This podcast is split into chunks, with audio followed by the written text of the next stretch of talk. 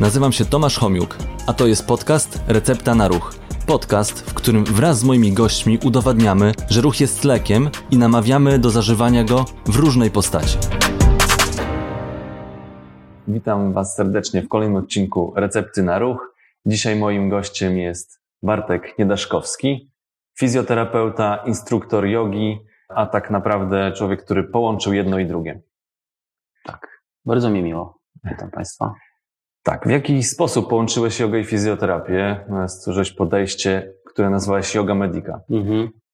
Ile jest w ogóle rodzaju jogi i dlaczego akurat yoga medica? No może od końca zacznę. Yoga medica dlatego, że w trakcie moich e, doświadczeń jogowych, że się tak wyrażę, ja się uszkodziłem wiele razy.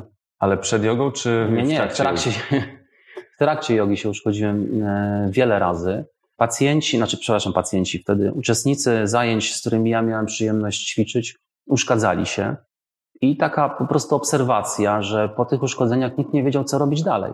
No, oczywiście o uszkodzeniach e, mówiło się w szatni, e, nie mówiło się wprost. Czasem się chodziło do jakiegoś tam nauczyciela, który, z którym się ćwiczyło i mówiło się, mam problem, słuchaj, uszkodziłem sobie coś. No i on próbował dobrą wolą gdzieś zadziałać. No oczywiście wiedzy nie było, jak to robić, jak pomóc sobie po tych uszkodzeniach. I to skłoniło mnie do takiej refleksji, że hmm, coś trzeba by tu więcej zrobić, bo to jest za mało zdecydowanie, jeżeli chodzi o samo bezpieczeństwo. Mhm.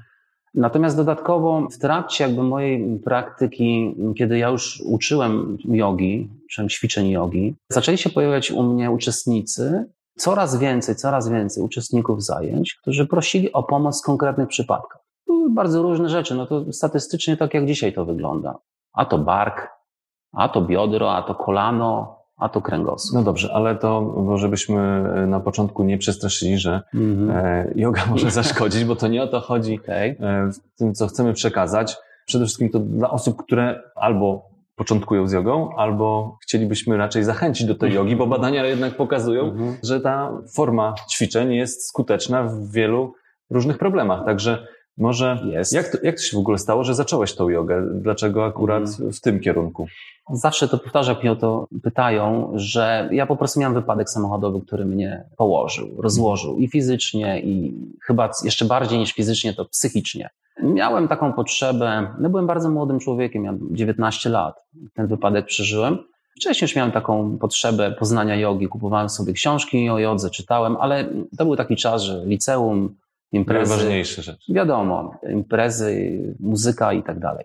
No i ten wypadek był takim akceleratorem, takim katalizatorem tego procesu decyzyjnego u mnie, który poszedł w stronę, robię po prostu coś dla siebie i zacząłem chodzić regularnie na ćwiczenia jogi okazało się, że to, to jest to, no to strzał czyli jednak, czyli jednak e, yoga ci pomogła. Tak, ale zawsze to mówię, pomogła i zaszkodziła. I to jest to, ja, bo ja zwracam ogromną uwagę na bezpieczeństwo. Dla mhm. mnie to jest podstawa. Yoga My jesteśmy fizjoterapeutami, no to musimy przede wszystkim no widzisz, pomagać, no właśnie, a nie szkodzić. No właśnie, no właśnie, no właśnie. Także może nie będę na razie rozwijał tego wątku tej drugiej strony, bo mówimy o badaniach, powiedziałeś o badaniach, które mm, pokazują, że są dobre, fajne skutki, doniosłe skutki ćwiczeń jogi. Absolutnie ja oczywiście o tym wiem i, i dlatego też cały czas zajmuję się mimo wszystko jogą.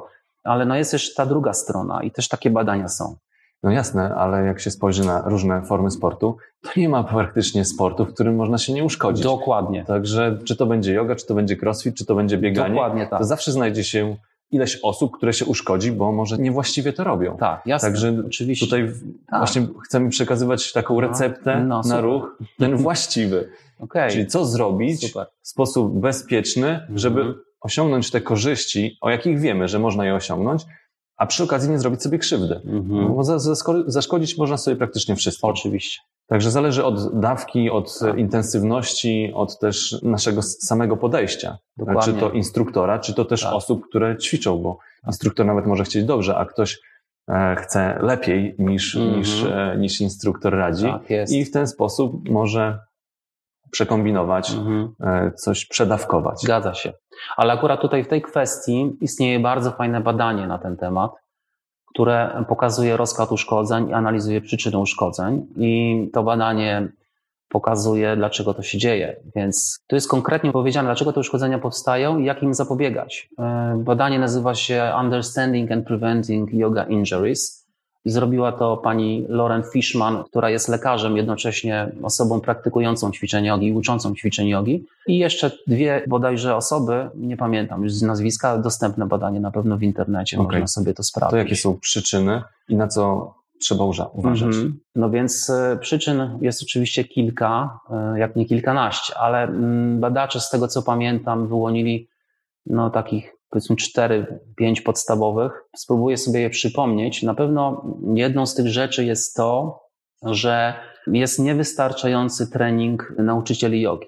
Bo trzeba pamiętać o tym, że nauczyciele jogi przychodzą zazwyczaj jakiś rodzaj treningu czy tam szkolenia. Tutaj jakby y, różnice programowe czasami są znaczne. Na pewno wnioski są takie, że zbyt mało jest tam anatomii, fizjologii, takich funkcjonalnych rzeczy, które mogłyby podnieść y, wiedzę i sprawność tych instruktorów. I to badacze na pewno wyraźnie mówią. Nadmierny zapał ćwiczących mhm. jest też to, co przed chwilą powiedziałeś, jest przyczyną ewidentnie. E, nieświadomość występowania problemu zdrowotnego w momencie rozpoczynania ćwiczeń jogi. Mhm. Czyli, czyli brak diagnostyki jakiejś. Tak, czyli, ale też to, że po prostu uczestnik rozpoczyna zajęcie, on nie wie, że tam coś się dzieje w kręgosłupie, czy dzieje się coś kolanie. Po prostu no, nie, zwra nie zwracał na to uwagi, to nie dawało dolegliwości, a natomiast niektóre ćwiczenia jogi no, po prostu są dość wymagające. wymagające. I wychodzą pewne tak. problemy. Jako fizjoterapeuta na pewno zdajesz sobie sprawę z tego, co może się wydarzyć, jeżeli ktoś ma dyskopatię, załóżmy lędźwiową i zaczyna robić intensywnie przeprosty kręgosłupa, czy intensywnie pozycje antefleksyjne. Jeżeli on siedział przez cały czas, wstał nagle i zaczyna ćwiczyć jogę, bo zmobilizowano go albo sam stwierdził, że to jest postanowienie noworoczne i on zaczyna... Na głęboką wodę. I bach, tak. No to problem jest oczywiście naturalny, bo to nie jest wina jogi, żeby było jasne, tak. Na pewno jeszcze z takich przyczyn, o których badacze mówili, to są przepełnione y, klasy, jak oni to nazywają, czyli nadmiar mm, uczestników. uczestników nie dopilnujesz wszystkich. Nie da się dopilnować wszystkich. To nawet najlepszy instruktor nie poradzi sobie. Co tam było jeszcze? No tak mi teraz może sobie przypomnę za chwilę. Tak, tak są takie podstawowe rzeczy oczywiście. Dlatego jest jeszcze może do tego wrócimy, ale ja bym chciał właśnie mm. się dowiedzieć. Zresztą sam sprawdziłem ostatnie badania, takie duże, Cochrane, czyli niektórzy mówią Cochrane, mm-hmm. czy Cochrane, pokazują na dużych grupach, e, znaczy zbiór badań dotyczących jednego problemu. I tam znalazłem mm-hmm. trzy takie badania, które mówią o niespecyficznych bólach kręgosłupa. Mm-hmm. Jest tam umiarkowana skuteczność.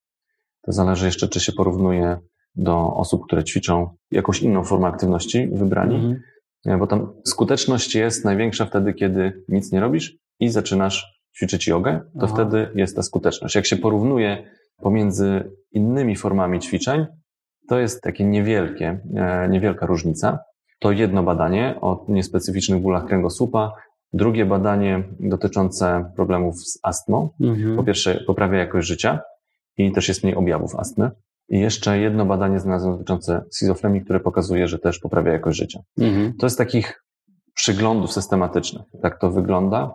Oczywiście jest też dużo innych badań, które no, badają praktycznie wszystko i jak to się ma do jogi. Czy to mhm. otyłość, czy różne problemy, nietrzymania moczu. Wiele badań poświęconych bardzo jodze, dużo, bo yoga jest... Bardzo dużo dosyć... depresji, bardzo dużo ma, mhm. jest dużo research, jeżeli chodzi o yoga, depresja, to jest też... W ogóle aktywność fizyczna i depresja jako metoda oczywiście wspomagająca, no depresja oczywiście. jest leczona oczywiście. lekami, a tutaj mhm. jako metoda wspomagająca.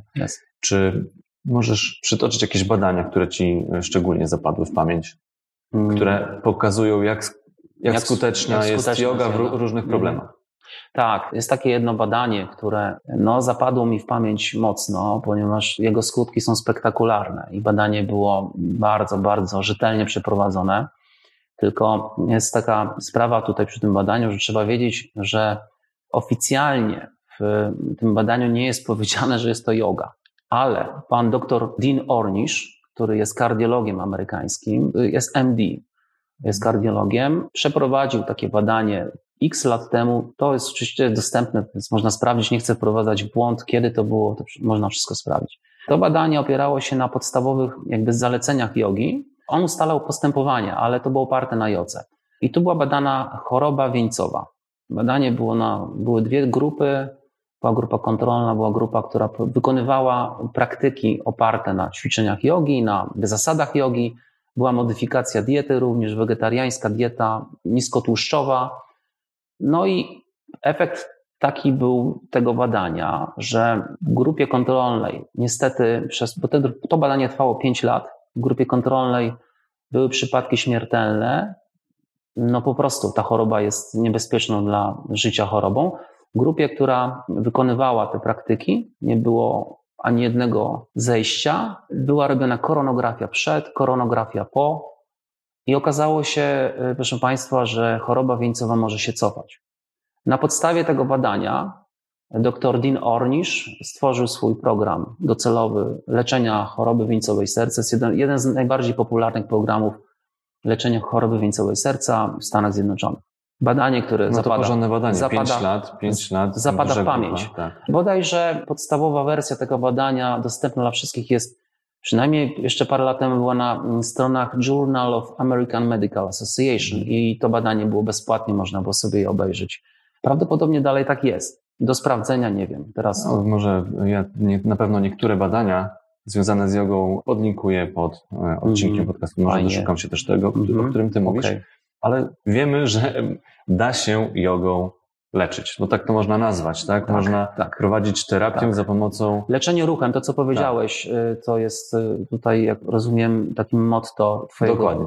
Recepta ja, na ruch. Recepta. Leczenie ruchem to w ogóle jest fantastyczna sprawa, bo moim zdaniem rola fizjoterapii w ogóle tutaj jest zdecydowanie jeszcze niedoceniana. Ile można więcej zrobić fizjoterapią niż wyrehabilitować kolano po artroskopii. Dużo więcej, więc y, leczenie ruchem mm, za pomocą ćwiczeń jogi jest potężnym narzędziem i można leczyć bardzo wiele rzeczy.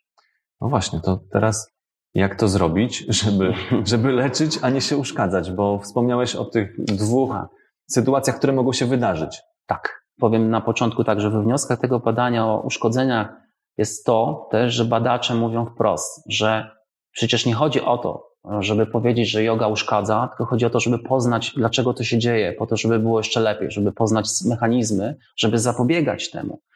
Niestety, jakby w świecie ludzi, którzy ćwiczą jogę, jest taka zmowa milczenia, i to też jest taki wniosek badaczy, że oni jako badacze napotkali się na taką ścianę, bo ludzie nie chcą o tym mówić. Nie chcą po prostu mówić o tym, że, że, że oni się na jodze uszkodzili, bo oni czują, że yoga i tak im dała tyle dobrego. Więcej, więcej mają jakby korzyści tak, niż, niż tak, tych negatywnych. Tak. Natomiast badacze mówią wprost, że trzeba poznać ten mechanizm po to, żeby właśnie zrozumieć, zapobiec. Więc to jest to, to jest pozytywny, konstruktywny wniosek, a nie negatywny.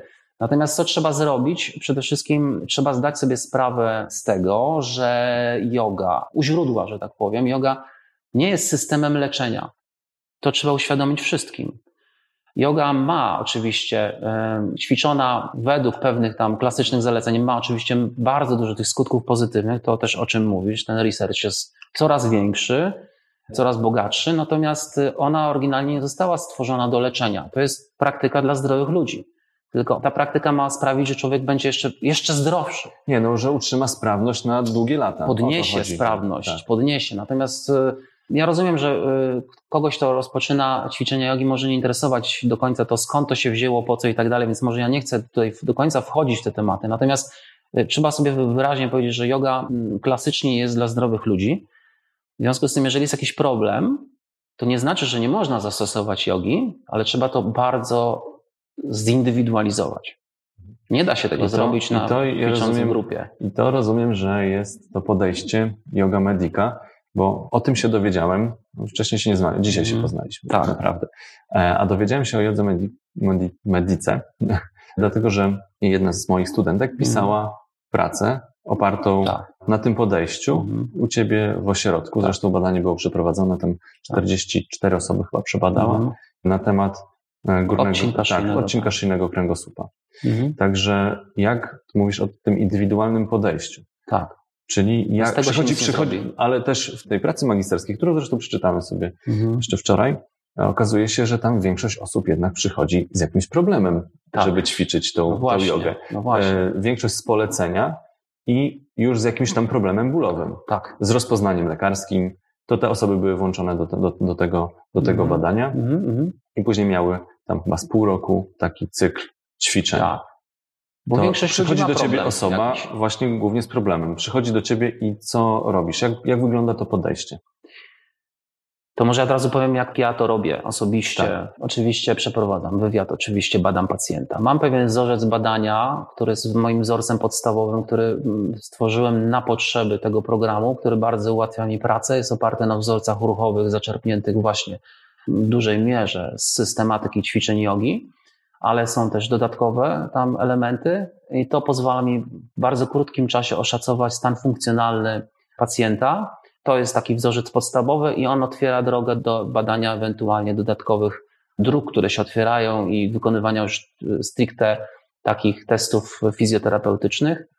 Oczywiście po wywiadzie, po badaniu, po wglądzie w badania pacjenta, tak, obrazowe, rozmawiamy, ustalamy cel, e, bo ludzie mają bardzo różne cele, czasami nierealne. Trzeba uświadomić, co można, czego nie można i tak dalej. I ustalamy w każdym przypadku nieco inaczej postępowanie. W zależności od tego, z czym mamy do czynienia, z jakim problemem i w jakim stanie jest pacjent, w jakim wieku, jakie ma schorzenia towarzyszące. To jest niezwykle ważne. To jest może to, co właśnie czego brakuje, brakuje. w normalnych takich tak, zajęciach tak, grupowych oczywiście. gdzieś tam, no bo tego nikt nie oczywiście. sprawdza wcześniej. No tak. A to, to jest kluczowe. sami powinniśmy siebie sprawdzić, czyli zanim zaczniemy, to jakąkolwiek formę tak. ruchu chodzi. Jak ktoś ma 65 lat, nadciśnienie, Oczywiście. to właściwie powinien się udać najpierw do lekarza, zanim rozpocznie przygotowania do maratonu, powiedzmy. I tutaj jest podobnie. Tak powinno być. Tak, tak powinno być, ale to jest sytuacja idealna.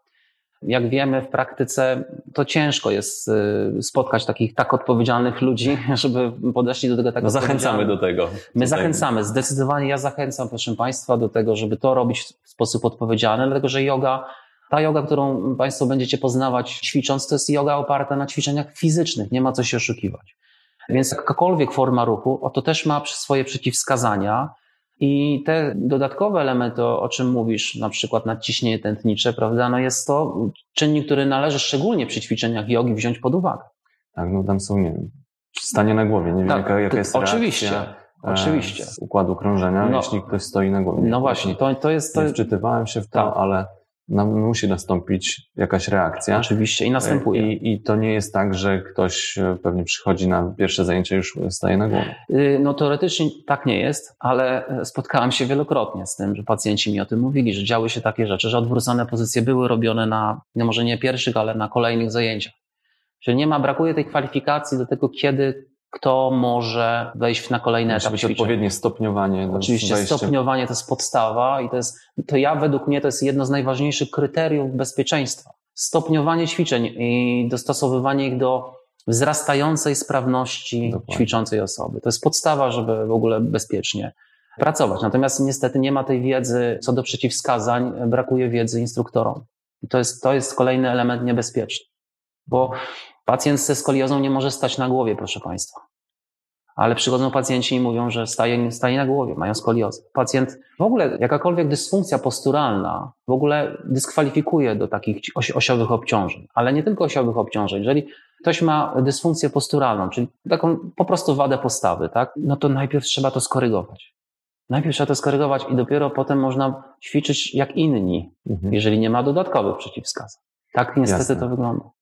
Wiem, że jest diagnostyka, akurat na to zwracasz uwagę i, i dobierasz indywidualnie, jak do ciebie przychodzi osoba, która siedzi i nic nie robi. 90% przynajmniej pacjentów. Tych, tych, tych osób, które tak, przychodzą. To są tacy, tacy, I od, zaczynają od, od jogi. Tak? Znaczy, oni zazwyczaj do mnie przychodzą. Ja nie mam już zdrowych, ja nie pracuję, rzadko pracuję ze zdrowymi ludźmi, którzy po prostu chcą ze mną pracować, żeby nauczyć się ćwiczeń bezpiecznie od samego początku. Zazwyczaj ja pracuję z pacjentami, więc to jest zupełnie inna sytuacja. Oni mają oczywiście, niektórzy z nich, dodatkowe jakieś tam ruchowe zadania, które sobie realizują, ale to są zazwyczaj pacjenci z bólem czy z problemem, od okay. siedzenia. No ale kiedyś pracowałeś pewnie więc z osobami zdrowymi. Tak, tak. Czyli tak jak osoby, które nas oglądają, słuchają, mhm. jakbyśmy chcieli ich uświadomić, czy zachęcić do tej jogi w różnych miejscach, tak? Na pewno ćwiczą, chcą ćwiczyć czy będą, będą ćwiczyć, co mają zrobić, jaką formę wybrać, bo przecież tych rodzajów tak. jogi jest bardzo dużo. dużo jest. jest. Są bardziej dynamiczne, bardziej mhm. statyczne, niektóre bardziej z filozofią powiązane. Mhm. Tutaj akurat w Europie, z tego co, co wiem, bardziej się skupia, e, na, skupiają te, na, na, ćwiczeniach, na tej fizyczności, ewentualnie ćwiczenia plus e, oddechowe jakieś mhm. formy. oczywiście. Mm, ale to też ćwiczenie. Jak dobrać, tak jak ja, nie mam pojęcia na temat jogi, nigdy nie, no tam niektóre pozycje próbowałem. Mm-hmm. Tak. okay. czy nawet jeśli e, uczymy pacjenta jakichś tam technik mobilizacji czy delikatnego rozciągania, no to się okazuje, że to też yoga. yoga. Tak. Zauważyłeś to? Zauważyłem. To jest właśnie bardzo fajne w tym, tak, to prawda. Jak sobie wybrać tą formę?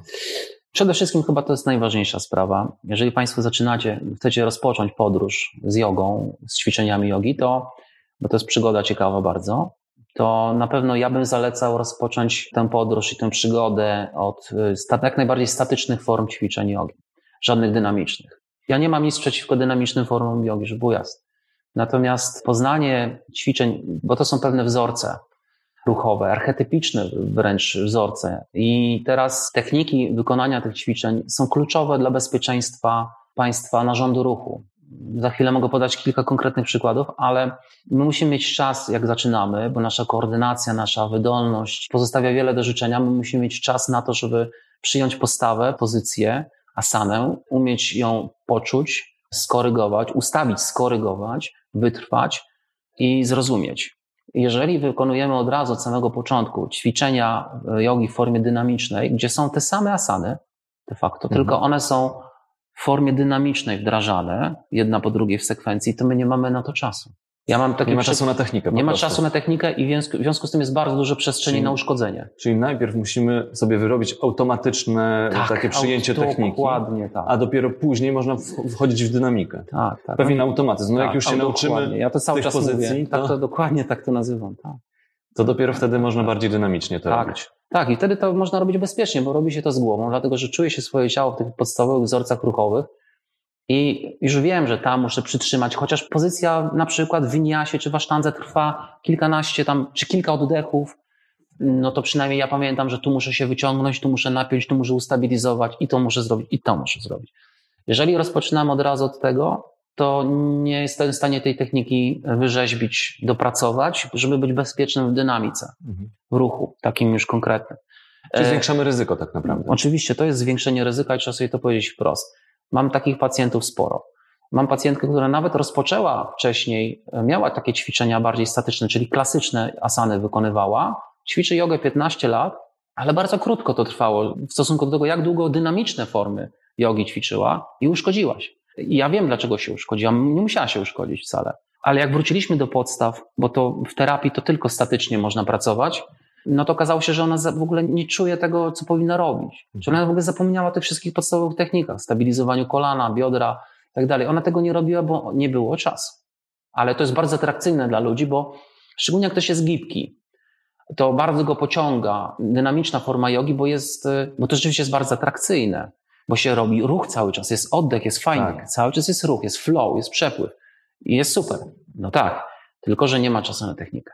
Mhm to jeśli ktoś woli w ogóle wszystkie formy sportu, rekreacji dynamiczne, no to jak go przekonać do tego, żeby on najpierw statykę? No nie wiem, e, to jest bardzo trudne zadanie, wiesz, e, bo jednak osobowość człowieka determinuje to, czym będzie się zajmował. Przekonać pewnie nikogo się na siłę nie da. Ja mogę tylko powiedzieć, jakie są korzyści z takiej formy ćwiczeń, które są nieco inne w stosunku do konwencjonalnego ruchu. Tak? Ruch jako ruch jest dość dobrze poznany, jogę cały czas poznajemy, ale część z tych elementów jest już znana. Na przykład to, że nawet bardzo intensywna forma jogi, mówimy cały czas o asanach, czy asanach i technikach oddechowych, nie wywołuje zmian adaptacyjnych w organizmie. Wiemy o tym, że intensywny sport wywołuje zmiany tak. adaptacyjne. I to są na pewno negatywne skutki od strony fizjologii człowieka, aktywności sportowej. Dlatego mądrzy ludzie zawsze mówią, że aktywność sportowa jak najbardziej, ale umiarkowana. Bo jak wchodzimy już w wyczyn, to wiadomo. No to znowu sprzedawkować. Tak jest. I to jest chociażby taka rzecz. W jodze tego w ogóle nie ma. Dodatkowo to, czego ludziom bardzo brakuje w dzisiejszym zabieganym, stresującym świecie, to jest relaksacja układu nerwowego. A tutaj to już też mamy research potężny do tego, że po jodze, po dobrze zrobionym, nie boimy się tego słowa, treningu jogi, jest po prostu modulacja przywspółczulna, czyli mhm. wychodzimy z takim poczuciem błogostanu, totalnego odstresowania i rzeczywiście na poziomie fizjologicznym do tego dochodzi. Więc to jest bardzo duża zaleta, bo nawet jak zrobimy intensywny trening ćwiczeń jogi, jesteśmy już zaadaptowani, to my nie musimy się po tym treningu regenerować, bo my jesteśmy zregenerowani.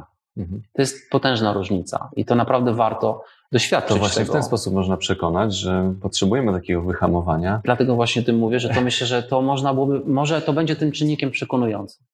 Na którymś z poprzednich odcinków recepty na ruch podawałem przykład, że już nie pamiętam jaką dyscyplinę sportowo chodzi. Powiedzmy, że to chodzi o piłkę nożną. Że tam też jest zalecane, a nie, już wiemy o co, o co chodziło, o biegaczy. Mhm. Że tam też jest zalecane, żeby oprócz tych form dynamicznych znaleźć taką zupełnie inną, mhm. bo to regeneracja inaczej przebiega. Oczywiście. Tak mi się wydaje. Ja pracowałem z biegaczami, biegaczami mieliśmy nawet taki program przygotowany dla biegaczy. Trudno niestety ich do tego przygotować, przy, przy, przekonać, przekonać, przepraszam tak? Dlatego, że biegacze to są też osoby bardzo specyficznej konstrukcji psychicznej, ustawionej zazwyczaj na wyczyn. Myślę, że to będzie się trochę zmieniać, bo bieganie się staje coraz bardziej popularne, więc ludzie coraz bardziej będą dojrzewać w tym kraju i będą właśnie rozumieli to, o czym mówisz, że potrzebny jest taki trening uzupełniający, że trzeba zrobić coś, żeby odreagować, bo jednak dla organizmu wyczyn w bieganiu jest ogromnym obciążeniem. Też dużo osób jest napędzanych w pracy, w domu i jeszcze przez ten sport dynamiczny. No i warto znaleźć tak, coś tak. takiego, gdzie można Zwolnić, wyhamować. Tak, tak slow, nie? Teraz to słowo jest modne, slow. Chcemy robić rzeczy slow. Ja uważam, że to jest super, robić rzeczy slow. Ja staram się robić wszystko slow, co się da. Zaczęło się od slow foodu, jeżeli dobrze pamiętam, ale teraz już jest wszystko, chcą robić slow ludzie. I... Teraz nawet wypoczywa się slow. Tak, to jest fajne. Według mnie fajne, bo, bo wszystko się dzieje bardzo szybko w naszym świecie, więc yoga jest super pomysłem na wyhamowanie, naprawdę genialny, najlepszy jak istnieje po prostu. Więc jak najbardziej jest ten moment refleksji, zatrzymania się, zastanowienia się. Nie można cały czas pracować, cały czas być nakręconym, bo to wcześniej czy później kończy się chorobą, no, lub uszkodzeniem. Powiedziałeś o asanach, co też dla mnie jest nowym słowem, no bo mhm. słyszałem je tak. oczywiście. Asana to jest pozycja jogi. Pozycja jogi. E, natomiast są jeszcze ćwiczenia oddechowe, mhm. które też stosujesz w terapii. Tak, tak, oczywiście. Pranayama. To pranayama. Czy to, są, czy to jest połączone z ruchem? Jak to nie. wygląda? Dla osób, które w ogóle nie mają pojęcia mhm. o jodze. Mhm. Nie, to nie jest połączone z ruchem. To jest ta ogromna różnica między pranayamą a asanami. W asanie ruch jest y, podstawowym elementem, czyli ustawienie ciała praca tym, z tym ruchem, z wzorcami, a oddech jest wspomagającym czynnikiem a w pranayamie jest zupełnie odwrotnie. Czyli oddech jest tym podstawowym czynnikiem, na którym się skupiamy i modyfikujemy jego jakość, a ciało jest tylko takim narzędziem, jakby takim nie narzędziem, tylko naczyniem, które to, że tak powiem, znosi. Także różnica jest dokładnie jakby odwrotnie jest, tak? Okej. Okay. A jeśli chodzi o asany, jakbyś mógł wytłumaczyć, na czym to polega? Ile tam jest tej statyki? Mhm. Ile tam jest tego rozciągania? Bo tak jak popatrzymy sobie, no to statyka właściwie no, nie jest dobra. My jesteśmy stworzeni do ruchu, ale zazwyczaj myślę o statyce takiej, gdzie ktoś siedzi w jednej mhm. pozycji. Nawet jak my teraz siedzimy, to, tak. to trochę już powinniśmy Tak, ja, ja, ja, już czuję trochę, że muszę pokręcić miednicą, na pewno. Mhm. E, także no, nie jesteśmy stworzeni do, do statycznych pozycji. Zgadza się. Więc oczywiście. tutaj w jodze oczywiście ta statyka ma określony czas ile to przebywa jedno, się w jednej pozycji, bo później się przyjmuje następną. Mhm, to jest jedno. Ale drugie, to jest kluczowe teraz, że to wcale nie jest taka statyka. Aha. I tego trzeba doświadczyć. Właśnie to jest to ciekawe zjawisko, że można patrzeć, nie znam nikogo, kto patrząc, nie mając, nie ćwicząc wcześniej, patrząc na asany, wiedziałby, co się w nich dzieje. Czyli nikt nie jest w stanie tego z powiedzieć. Z YouTube'a się nie nauczysz. Nie, nie ma takiej możliwości. Co więcej, proszę Państwa, proszę uważać, dlatego że uszkodzeń po takich sytuacjach jest bardzo dużo. Także zgłaszają się do mnie też pacjenci po YouTubach. Znaczy, ja oglądam YouTube'a, żeby było jasne. YouTube jest spoko. Natomiast nie o to chodzi. Chodzi o to, chodzi o to że no, te ćwiczenia są dość specyficzne, nie tak proste, jakby się mogło wydawać. Różne są takie zakamarki, których no, nie zobaczymy na filmiku. Natomiast y, odpowiadając, co tam się dzieje, dzielimy asany na aktywne, tak ogólnie, aktywne i pasywne. I teraz mówimy o tych aktywnych. A aktywnych asanach dzieje się bardzo dużo. To nie jest tak, że one są statyczne. Statyczne one są z pozoru, ale zadania ruchowe do wykonania w tych ćwiczeniach są coraz bardziej złożone, zależy od stopnia naszej adaptacji w mhm. ćwiczeniu. I trudności się, ćwiczenia. Tak, czyli tam jest wielowarstwowość i wielowymiarowość. ale już na samym początku, jak rozpoczynamy ćwiczenia i mamy dobrze zaproponowane techniki, to e, w tych ćwiczeniach dzieje się bardzo dużo, czyli tam nie ma tak naprawdę statyki, bo jest cały czas coś do zrobienia. A ciało cały czas nie chce tego zrobić. Więc my walczymy na początku, niestety, walczymy ze swoim ciałem, żeby to ciało utrzymać w tym kierunku ruchu, który został zaordynowany, żeby e, zrobić zadanie ruchowe. Więc Ludzie są w szoku, szczególnie sportowcy, którzy są, no, wydaje mi się, że są bardzo sprawnymi ludźmi, stają do wykonania najprostszej asany. To to jest proste, ja to zrobię. Aha. I nagle okazuje, ale zrób to, to, to, to, to i oni, I się pot z nich cieknie, dosłownie tak, kapie na podłogę, mówią, oni są w szoku, mieli takie oczy, jak to się, co tu się dzieje? Bo ja się nie spodziewałem, że Spojrzał, to... niepozornie to tak. wygląda, ale... O, o Jezu, nie wytrzymaj, nie są w stanie utrzymać stabilizacji, cały czas uciekają, bo są przystosowani właśnie do ciągłej tej zmiany, tej dynamiki, tak. Także to nie jest do końca tak, że to jest taka statyka. Tak bym odpowiedział. To jak już mówisz o tym, co może się dziać podczas takich asan, to może jeszcze co nie powinno się dziać, czyli na co uważać, nawet jeśli ktoś, no nie zalecamy tego, próbuje z tego YouTube'a, czy ktoś mu pokazuje, nawet instruktor mu pokazuje i nie wytłumaczy do końca, bo nie ma czasu na przykład, tak. nie wytłumaczy, co jest takim objawem, którego byśmy nie chcieli mhm. w trakcie wykonywania tych ćwiczeń. Mówimy o asanach. Mówimy o asanach. Ból, ból. Ból. Tak. Dlatego, że oczywiście jest dużo mowy na temat tego, że jest dobry ból, że jest zły ból, tak mówią w ćwiczeniach. Tak mówią. Tak mówią. To... Wiesz o co chodzi. To jest tak, że faktycznie powinniśmy tego bólu unikać, bo ból jest symptomem tego, że ciało Coś... mówi, coś jest nie tak. Oczywiście, że w trakcie ćwiczeń rozciągających, a ćwiczenia jogi mają sobie komponenty rozciągania, jednak chcę wyraźnie podkreślić, że to wcale nie są ćwiczenia po prostu rozciągające, tam się dzieje bardzo dużo różnych rzeczy. Rozciąganie e, wcale nie musi być najważniejsze. Ono się kiedyś kończy, a niektórzy w ogóle nie powinni się rozciągać. Może za chwilę o tym, to mówimy o osobach wiotkich, za chwilę tak, o tym tak, powiem, tak. to jest bardzo ważna rzecz, bo większość osób rozpoczynających ćwiczenia jest sztywna, ale są też osoby nadmiernie elastyczne. No więc ból, przede wszystkim ból z okolic takich, w których ten ból wiemy, że będzie prowadził na pewno do złych rzeczy, czyli ból w stawie jest złym na pewno Ból w stawie mówi od razu natychmiast przerwij ćwiczenie i w ogóle zostaw to i poszukaj pomocy, bo coś jest nie tak, ból w stawie. Ludzie myślą, że mięśnie zawsze muszą boleć w trakcie rozciągania. No i tak i nie. Jak ktoś jest bardzo sztywny, będzie odczuwał oczywiście zwiększone dolegliwości bólowe w trakcie rozciągania, ale to rozciąganie nie powinno być zbyt, zbyt intensywne, bo... E, bo można też uszkodzić. Oczywiście. I przede wszystkim mięsień ma swój odruch na rozciąganie. Jeżeli wiadomo, przekroczymy tę granicę, to on będzie bolał i nie, nie przestanie boleć i dojdzie do tego uszkodzenia. Dlatego powinniśmy się rozciągać na naprawdę, nie wiem, 30% orientacyjnie. Teraz, teraz po różnych badaniach okazuje, że takie statyczne rozciągania, już nie mówiąc na siłę, no jest niekorzystne. Lepsze jest rozciąganie takie związane z, z ruchem samym, czy w ogóle podczas wykonywania mhm. różnych ćwiczeń i tak niektóre mięśnie się rozciągają w zależności od tego, jakie to są ćwiczenia, jaki sport. Także tutaj do długiego, statycznego właśnie rozciągania nowsze badania pokazują, że to wcale nie, nie jest takie dobre. Mhm. Przykład jednego badania. Sprawdzili siłę wyskoku akurat tutaj, gdzieś tam u koszykarzy chyba. Mhm. Były ćwiczenia rozciągające. Jedno trwało 90 sekund w statyce, utrzymanie gdzieś tam rozciągnięcie, powiedzmy, że tam łydki. Mhm. A drugie badanie, znaczy druga grupa robiła też 90 sekund, ale w takich sesjach 30 sekund rozciągania, 30 przerwy, 30 rozciągania, 30 przerwy. I tak taki cykl. Niech zgadza. Okazało się, Okazało się że wyskakuje wyżej i ma lepsze e, możliwości ten, który miał to podzielone. Tak, zgadza Trafiłem, się. tak?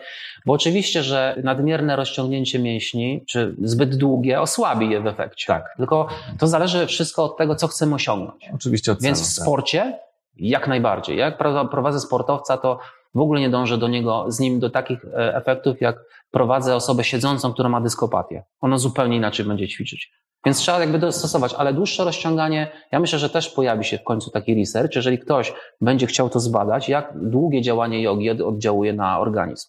Bo w jodze mamy przedłużone to rozciąganie, one jest w czasie wydłużane, ale teraz właśnie to, co chcę powiedzieć, jeżeli Państwo już chcecie ćwiczyć jogę, to to rozciąganie musi być znowu, musi być gradacja. Nie wchodzę od razu w rozciąganie, które trwa kilka minut, tylko stopniuję mhm. i robię to po kolei, po kolei. I dopiero jak jestem w stanie utrzymać cały czas to rozciąganie na takim naprawdę umiarkowanym poziomie i nie doznaję bólu ze ścięgien, z przyczepów e, mięśni do kości, to jest bardzo taki ból e, nieprzyjemny, to stopniowo sobie zwiększam długość czasu, bo w metodyce ćwiczeń jogi takiej ogólnej, bo te szczegółowe metodyki nie ma dopracowanej w żadnej metodzie jogi tak naprawdę, według mnie.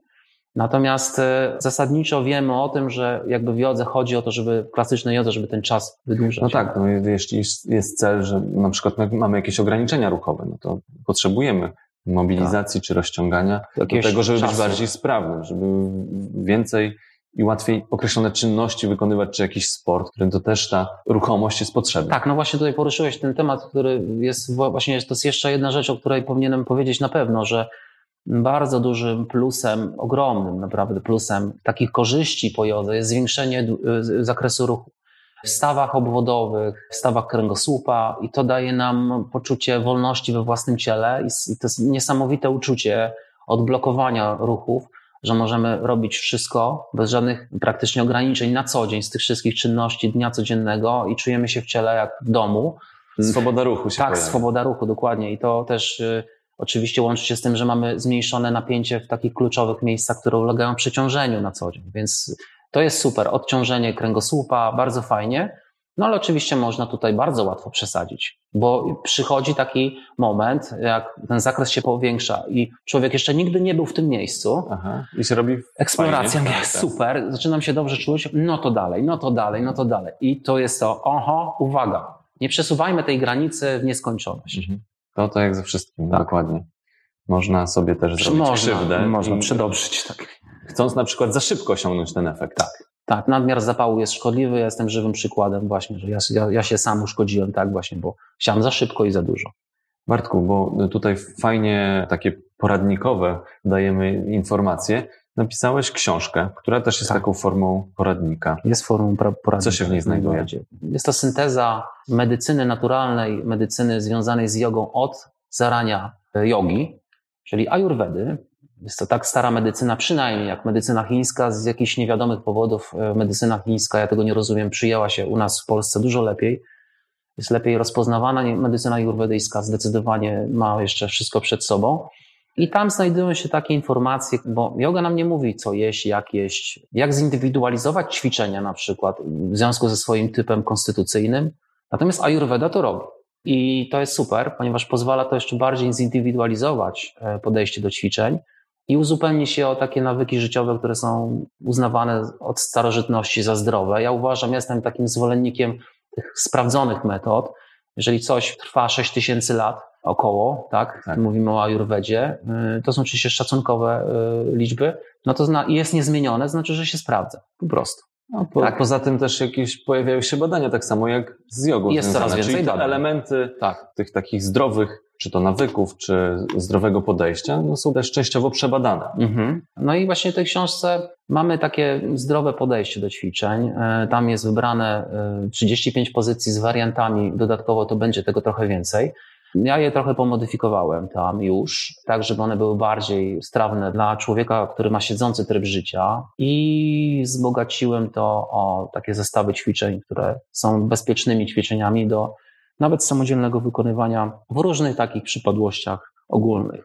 Jak właściwie często powinniśmy korzystać z jogi, tak? Czyli jak e, chodzę na zajęcia, czy jak się umawiasz z, z pacjentami, to jaka to jest częstotliwość tych ćwiczeń? Czy to jest... Z pacjentami to zawsze jest częstotliwość bardzo indywidualna, zależy się od schorzenia. No jasne, tak. To Natomiast, wybierasz... I to jest bardzo indywidualna rzecz. Też oczywiście każdy z pacjentów ma inny program ćwiczeń, tak? Natomiast y, jeżeli ćwiczymy tak dla siebie prozdrowotnie, to myślę, że 3-4 razy w tygodniu to jest taki super. Jeżeli to się udałoby utrzymać coś takiego, to jest bardzo fajnie. Ale oczywiście yoga jest zaprojektowana do ćwiczeń codziennych. Więc y, ćwiczenia codzienne działają jeszcze fajniej, tak? Można dużo więcej osiągnąć. W ogóle zachęcam do takiego podejścia, że lepiej jest zrobić częściej w krótszy czas niż raz długo, bo taka sesja standardowo trwa około jogi, tak się przyjęło, około 90 minut. To jest bardzo długi czas. I są ćwiczący, którzy no wolą sobie przyjść raz w tygodniu i zrobić raz w tygodniu. A ja mówię, dlaczego tak? A nie lepiej na przykład to rozbij to na 3 razy 30 minut i rób to co drugi dzień, dajmy Albo po 15 minut codziennie. Albo po 15 minut codziennie, dokładnie. To tutaj już e, nie pierwszym odcinku mamy, Aha, mamy taką okay. radę, bo już no dlatego się no śmieję. zgadzamy się. Bo tak, okay. bo czasami takie małe rzeczy, ale jeśli już wejdą w nawyk, tak, dużo dokładnie. więcej no, korzyści nam dadzą, niż raz w tygodniu pójdziemy na zajęcia typu zdrowy kręgosłup. Tak? Czy Zgadzam się. Zdrowy tak. kręgosłup dla, e, yoga tak. ze, dla zdrowego kręgosłupa. Zgadzam się i to tak, tak to powinniśmy wiedzieć na pewno. Tej, tej, tej edukacji w naszym społeczeństwie jest za mało, więc fajnie o tym powiedzieć, bo tak jest rzeczywiście. Ja mam jeszcze kilka przykładów dotyczących właśnie korzyści jogi. Mhm. Czy widziałeś badania, czy yoga pomaga w nadwadze i otyłości? Widziałem takie badania, ale to było już x lat temu. Podejrzewam, że w międzyczasie powstały nowe. To, co na pewno mogę powiedzieć z tej wiedzy, którą mam do tej pory, to wynika, że my musimy mieć świadomość tego, że sama yoga jako yoga, może z wyjątkiem dynamicznych form, ona nie spala nam tak kalorii, jak, jak oczywiście dynamiczny ruch. I na to nie ma co liczyć. Natomiast no na pewno spala więcej niż wtedy, kiedy leżymy na kanapie. To na pewno, ale, ale to nie jest taki ruch. Albo siedzimy. Tak, ale to nie jest tak, jakbyśmy wyszli i coś tam zaczęli dynamicznie robić. Natomiast ma na pewno bardzo dobre działanie, stymulujące, gruczoły dokrewne, takie autoregulujące działanie. I to na pewno bym obstawiał, że, że to musi być dalej cały czas też to. A być może coś zostało jeszcze dodatkowo Znalazłem niedawno badanie, było okay. chyba w 2016 to 2017 tego roku. na pewno nie znam. I, I tam widziałem, mhm. że rzeczywiście u nawet kobiet tą otyłość brzuszną była badana mhm. dokładnie, że też e, zmniejsza. Tak. Ale to w stosunku grupą kontrolną zrobiono tak, że jedna grupa e, była zakwalifikowana do, do zajęć, tam chyba było 12 tygodni, nie pamiętam dokładnie, tych ćwiczeń jogi, a druga grupa miała tak jakby czekać na rozpoczęcie tej, mhm. tej sesji i zbadano tych, którzy, którzy czekają, czyli nie ćwiczyli w stosunku do tych, którzy te 12 tygodni ćwiczyli. Także to nie porównywali z inną mhm. formą ruchu, no pewnie jakby porównali z sportami wytrzymałościowymi, to, to pewnie efekt byłby mniejszy, no ale to też ale jest. pokazuje, jest, że jest Ale efekt. jest, tak. Znaczy ja powiedziałem to, co powiedziałem po to, żeby nie, nie liczyć na to, że tutaj będziemy mega, mega spalać. Natomiast rzeczywiście yoga, trzeba pamiętać, działa na wszystkie układy bardzo, bardzo... I na głowę.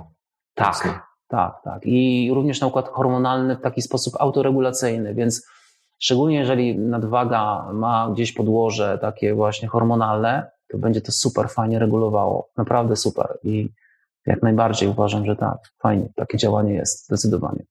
Czyli mamy i choroby psychiczne różne, e, związane z, z naszą psychiką jako wspomagająca, jak inne też formy zresztą aktywności fizycznej jako wspomagającą, tutaj wyraźnie, mm-hmm. wyraźnie przy Oczywiście. depresji, tutaj przy schizofrenii, dodatkowo, z czym pewnie najwięcej pracujesz z takimi pacjentami, czyli jakieś problemy bólowe kręgosłupa, czy też innych stawów, jak to jest, bo głównie z kręgosłupem najczęściej mam. Ja najwięcej pacjentów. mam pacjentów, tak, z kręgosłupem, to mówię, ale ja mam bardzo specyficzną metodę, tak, znaczy metodykę podejścia, więc to trzeba sobie jasno powiedzieć. Jeżeli my mówimy o tym, bo cały czas o tym mówi, że yoga, yoga, yoga, ale trzeba pamiętać, że są różne podejścia do tej jogi.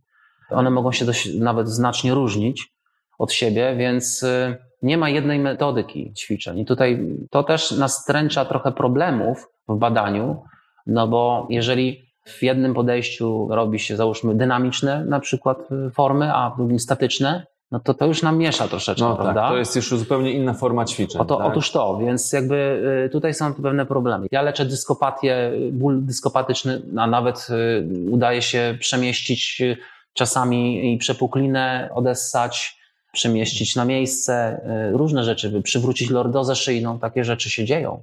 Pacjenci mają badania przed, po, ale to nie znaczy, że takie y, rzeczy będą się działy, jak będę ćwiczyć jogę tak jak wszyscy. Nie, to tak nie będzie. To nie jest tak, że yoga wszędzie tak działa, na każdym polu, z każdym. Nie, Jasne, to nie jest no, możliwe. Tak, tak jak wspomnieliśmy, tych form jogi jest bardzo dużo. To jedno, tak. Ja akurat tutaj tylko wrócę do tego na chwilę badania dotyczącego kręgosłupa, to tam była Aha. yoga Hatha, dobrze mówię? Hatha, hatha. E, Wymawia się to. Vini yoga. Vini yoga. Vini tak, yoga? Tak, tak, tak. Yoga, tak? Yoga, tak. I jeszcze... To amerykański raczej e, wymysł chyba. Iyengar, tak? Iyengar yoga. Iyengar yoga. Mhm. No, Także czyli to te, trzy rzeczy. Te, te trzy, trzy formy rzeczy. Mhm. akurat badali, jeśli chodzi o te niespecyficzne bóle mhm. kręgosłupa.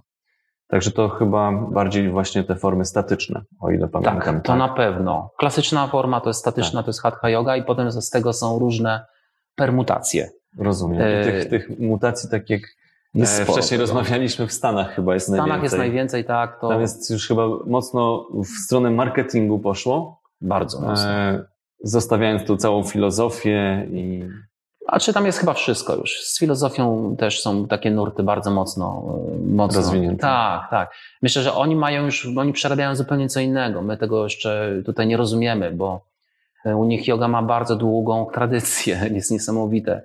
Ale jest takie... że ile tam ćwiczy osób? No, e, badanie 2007 czy 2006 to było około 24-25 milionów ludzi. Ponad Ale połowa. W samych Stanach? W samych Stanach Zjednoczonych różnej formy jogę i to cały czas rośnie. Trzeba pamiętać, że w Stanach Zjednoczonych... w Polsce? Nie wiem. Ktoś może jakieś szacunki y, zrobił, ale nie ma rzetelnego żadnego takiego, Aha. statystyki takiej nie słyszałem przynajmniej. Nie wiem. Myślę, że, ale to też rośnie w Polsce oczywiście. Natomiast no, w Stanach to jest też związane z tym, że ponad 30% Amerykanów nie ma żadnego ubezpieczenia zdrowotnego, czego Polacy sobie chyba do końca sprawy nie zdają bo naprawdę, proszę Państwa, u nas w Polsce mamy naprawdę bardzo dobry system opieki zdrowotnej. Cały czas. Jak ktoś nie wierzy, niech pojedzie do Stanów Zjednoczonych. Nawet do Anglii. Tak Także taka prawda jest. Natomiast, no nie wiem, że to nie jest, może tutaj ktoś się może teraz śmiać, no bo, bo czeka na rehabilitację na przykład 4 miesiące. Ale naprawdę mimo wszystko to jest, to, tu my przynajmniej tę opiekę jeszcze mamy. I ponieważ e, w Stanach jest tak, jak jest, no to ludzie szukają różnych form profilaktyki, bo już zdają sobie sprawę z tego, że muszą na to zwrócić uwagę i zaczynają na przykład ćwiczyć jogę. I jest to coraz więcej ludzi. Także w Stanach rzeczywiście tak. I tam yoga jest e, od ponad 100 lat znana. Trzeba sobie jasno to powiedzieć. Tam przyjeżdżali mistrzowie jogi z Indii.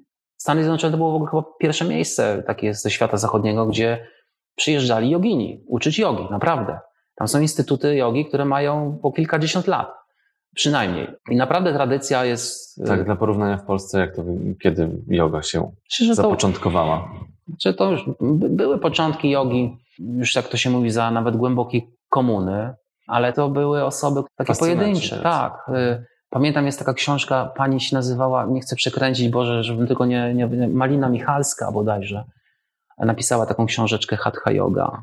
No moi pacjenci starsi czasami mówią, że ćwiczyłem z tej książki. Ja mówię, o, to niesamowite, bo ja akurat znam tą książkę. Było opracowanie, zresztą na bardzo wysokim poziomie w tamtych czasach. To oczywiście wszystko teraz wiemy więcej, ale wtedy to było niesamowite, co w Polsce zrobiono. Jest taki biały kruk, mam, posiadam, kupiłem sobie w antykwariacie. Wydań było bodajże sześć i to było pod redakcją profesora Stanisława Grochmala. Teoria i metodyka ćwiczeń relaksowo koncentrujących. I to była yoga. I to była yoga. Niesamowite. I bardzo wiele osób ćwiczyło z tej książki. Bardzo fajna książeczka, bardzo otwarte umysły tworzyły tę książeczkę. My mieliśmy naprawdę, że mieliśmy super fajną fizjoterapię tam w latach 70., że jak wiesz, w latach 70. nasz wzorzec był zalecany. Tak. I coś się gdzieś tam z tym w międzyczasie zmieniło, powiedzmy. Także były takie kwiatki i ludzie robili różne rzeczy, ale to było na bardzo taką jednostkową skalę. A teraz po prostu mamy szkoły jogi różnego rodzaju. Aczkolwiek bardzo się o te szkoły jogi teraz martwię, bo widzisz, co się to, dzieje. Szkoły jogi funkcjonują na bardzo niskim poziomie rentowności. Naprawdę trzymam kciuki za nich, ale współczuję serdecznie, no bo, no bo to wszystko powoduje, że no nie wiadomo, jak długo to będzie, będzie w stanie się utrzymać. O ile jeszcze indywidualnie, jak ktoś ma podstawy, to gdzieś nawet można w takim trybie zdalnym pewnie prowadzić. Nie wiem, jak ty to widzisz. Można jeden na jeden, mówię o takiej sytuacji, Aha. jeden na jeden, bo no nie da się opanować grupy, która gdzieś tam nie da się ekranie ćwiczy. Nie da tak? się, ciężko jest. No można, oczywiście. Ja robiłem też w online sporo przez jakiś czas, bo taka była potrzeba. E, dużo rzeczy można było zrobić. Nawet ostatnio miałem pacjenta ze Szwecji, którego nigdy nie dotknąłem, z przepukliną kręgosłupa, którą miał operowaną. Przygotowałem go do tej operacji, oczywiście rehabilitacyjnie. On przecież musiał przejść tą operację, nie było wyjścia. Potem uszkodził sobie drugi raz, pięć dni po operacji bodajże, kręgosłup i rezonans pokazał nawrót całkowity na pełno, nawet chyba jeszcze w gorszym stanie był ta, ta przepuklina. W ciągu bodajże dwóch i pół miesiąca, jakoś tak, udało nam się spowodować, że przepuklina cofnęła się. Mhm. Można to zrobić nawet online. Tylko trzeba pracować jeden na jeden i też mieć świadomość, że jednak wszystkiego się nie zrobi. Tylko, że Szkoła jogi ma tą zaletę i, i, też pewne ograniczenie, że pracuje z dużą grupą ludzi. Zaleta jest taka, że trafia do większej ilości osób, a oczywiście przeszkoda jest taka, że trudno na wszystkich zwrócić uwagę. Więc teraz. Utrzymać tą jakość. Tak, dokładnie. Jakość utrzymać jest, jest, nie jest łatwo w takiej sytuacji. O ile to jest w ogóle możliwe. Jak jest za duża grupa, to nie zrobimy. Natomiast no, online moim zdaniem e, nie spełni wszystkich oczekiwań. Może pracy indywidualnej z pacjentem i wtedy, kiedy jest e, oczywiście praca z grupą, ale to wtedy to muszą być zdrowi ludzie, którym nic nie dolega. Także... No to trochę tak jak e, normalnie też. Tak. Ciężko nad grupą tak, tak. w całości zapanować. Jasne, oczywiście. Jakbyśmy zareklamowali dla osób, które jeszcze nie korzystały z jogi, a wiemy, że tych korzyści jest naprawdę dużo, czasami przez złe podejście instruktora albo same swoje podejście tak, własne możemy podejście. się kontuzjować, no jak w każdym innym sporcie. To w jaki sposób zachęcasz nie tylko pacjentów, ale do, do, do, do jogi? No często sami, sami przychodzą i już nie trzeba, po prostu już są zdecydowani. Znaczy ja nie mam w ogóle takiej potrzeby zachęcania, bo do mnie ludzie przychodzą i oni wiedzą, czego chcą. Także ja nie, nie, nie prowadzę zajęć już grupowych, pracuję indywidualnie z pacjentami. Skupiłbym się, że miałbym zachęcić, to skupiłbym się na tym, o czym mówiliśmy wcześniej, że ten moment wyciszenia jest naprawdę jest ważny w życiu. Yoga nam to daje. Poprawa e, zakresu ruchu, swobody ruchu. Sprawności. Tak, w związku z tym. Koordynacji również. Bardzo fajnie to działa. Tutaj robimy wszystko prawa, lewa strona, więc wspaniale pracuje układ nerwowy i ten zakres ruchu, który się zwiększa, ta długość spoczynkowa mięśni, która daje nam mm, zwiększona, daje nam większą tą swobodę na co dzień, taką pewność siebie, do zaufania do ciała. Bardzo dobra stabilizacja dzięki jodze. Bardzo fajnie, osoby, które ćwiczą uprawiają sport, korzystają z tego. Tylko trzeba oczywiście pamiętać, że sportowiec musi pracować na jodze nieco inaczej. To, o czym mówiliśmy wcześniej, nie przekraczajmy pewnych granic w rozciąganiu, bo za długo, za bardzo rozciągnięty mięsień nie będzie wydolny sportowo, tak jakbyśmy chcieli. To, że jest to na pewno obniżone ryzyko schorzeń układu krążenia, to jest, też jest taki research, że obniża.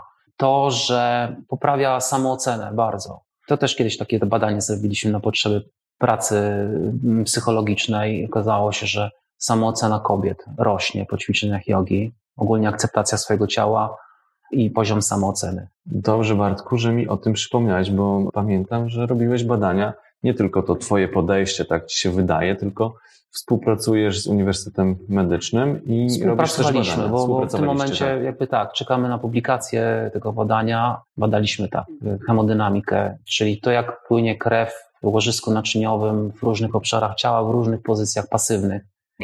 I porównaliśmy dwie takie pozycje uznawane za właśnie pasywne i jednocześnie jedna odwrócona w pełni, to jest Shirshasana na linach, czyli wiszenie głową do dołu na linach. To jest taki zamiennik osiowego obciążenia w staniu na głowie, że teoretycznie od strony tutaj ortopedycznej nic takiego się nie no dzieje, tak, bo jest no odciążony kręgosłup i tak zwaną setu bandha sarvangasana, czyli pozycję takiego mostka ze świecy, ale wszystko w odciążeniu, czyli z przyborami pasywnie. Pewnie chciałbyś zapytać o wnioski. No wiesz, fajnie by było, gdyby już były, ale nie wiem, czy już... O wnioski są. Analiza nie, nie, wszystko jest zrobione, tylko próbujemy to opublikować. A, okay. Więc czekamy na różne takie informacje zwrotne z tych miejsc, gdzie chcemy publikować. I teraz co się okazało? Okazało się, no widzisz, to to jest właśnie to trochę o czym mówię. Ja jestem bardzo ostrożny. Ja uważam, że yoga jest wspaniała, fantastyczna na każdym kroku, w każdej rozmowie, w każdym wywiadzie to mówię, ale musimy zachować pewną ostrożność i rozsądek. I tutaj jest taki pewien mit, został obalony przez nas, mit jogi. Bo w świecie jogi, szczególnie pewnej metodzie jogi, ja, ja nie chcę wymieniać tej metody, dobrze? Więc jest taki mit, że stanie na głowie to jest dobre na wszystko, ale, a przede wszystkim to że w zasadzie nie ma żadnego ograniczenia wiekowego do wykonania tego ćwiczenia. Niestety funkcjonuje taki mit. Podaje się przykłady, że e, a, bo królowa Belgii to zaczęła stawać na głowie, jak miała tam 80 ileś lat, nie pamiętam ile, ale coś, coś takiego. I wiele różnych takich przykładów, że, że, że to jest naprawdę ok. Doszliśmy do wniosku po przeprowadzeniu badania, że to nie jest jednak ok, bo istnieje ryzyko uszkodzenia po prostu łożysku naczyniowym, pęknięcia potoku no, konsekwencje mogą być tragiczne. Czyli to nie jest tak, że ten mechanizm regulacyjny działa tak wydolnie w, staniu, w wiszeniu na linach, że jest w stanie nam odciążyć łożysko naczyniowe. No oczywiście to podejrzewaliśmy, że tak jest, natomiast w jodze mówi się, że to wszystko, że, to, że tam nie ma takiego wcale ciśnienia, że to nie jest takie niebezpieczne, że, ten, że ta krew przecież powraca do nóg i tak dalej. No oczywiście, że powraca, ale jednak krew się gromadzi w naczyniach klatki piersiowej, naczyniach szyi i mózgu. No i jeżeli mamy do czynienia z jakimś uszkodzeniem wcześniej, jakimś naczyniakiem, jakąś zmianą, a w pewnym wieku niestety trzeba się z tym liczyć, no to jest to niebezpieczne. Natomiast y, kontrpozycja, czyli Setubanga Sarvangasa, na pozycja, która już nie prowadzi do tak dużego nacisku na naczynia krwionośne szyi czy mózgowe, daje w sumie podobne efekty, czyli wniosek nasz jest taki, że w pewnym wieku, starszym wieku, no zdecydowanie lepiej jest stosować, unikać tamtego, a stosować to bezpieczne ćwiczenie, które wiemy, że stan kardiologiczny jest fantastycznie działającym ćwiczeniem. Obydwa ćwiczenia, żeby było jasne, to co też nas jakby utwierdziło, że to, to jest dobre na pewno, one bardzo fajnie wyhamowują układ nerwowy i ta modulacja przypółczulna się pojawia, wręcz jak w stanie medytacji. Więc tutaj też fajny no. efekt, taki fizjologiczny, który żeśmy zaobserwowali, że to jest naprawdę widoczne w badaniu, tak? Ale skoro setubanga działa bardzo dobrze pod tym względem, to po co robić szasany na, linę, na linach, jeżeli mamy ryzyko u osoby starszej Jasne, jakieś tam albo już zupełnie stanie na głowie, tak? Do, a to już oczywiście, to już w ogóle nie wspomnę, tak, oczywiście. Także no, to taki chociażby wniosek, tak?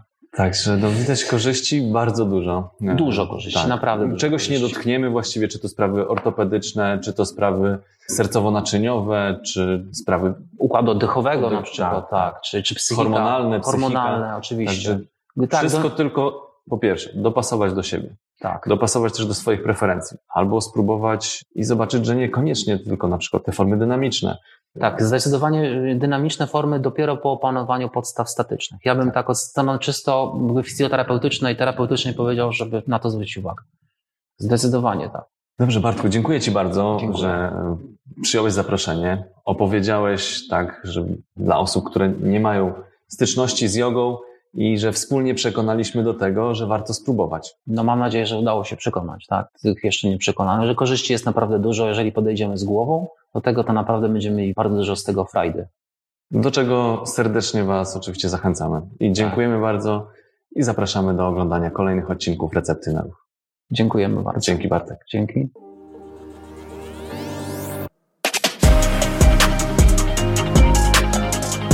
Dzięki, że byliście. Mam nadzieję, że zostaniecie tutaj na dłużej.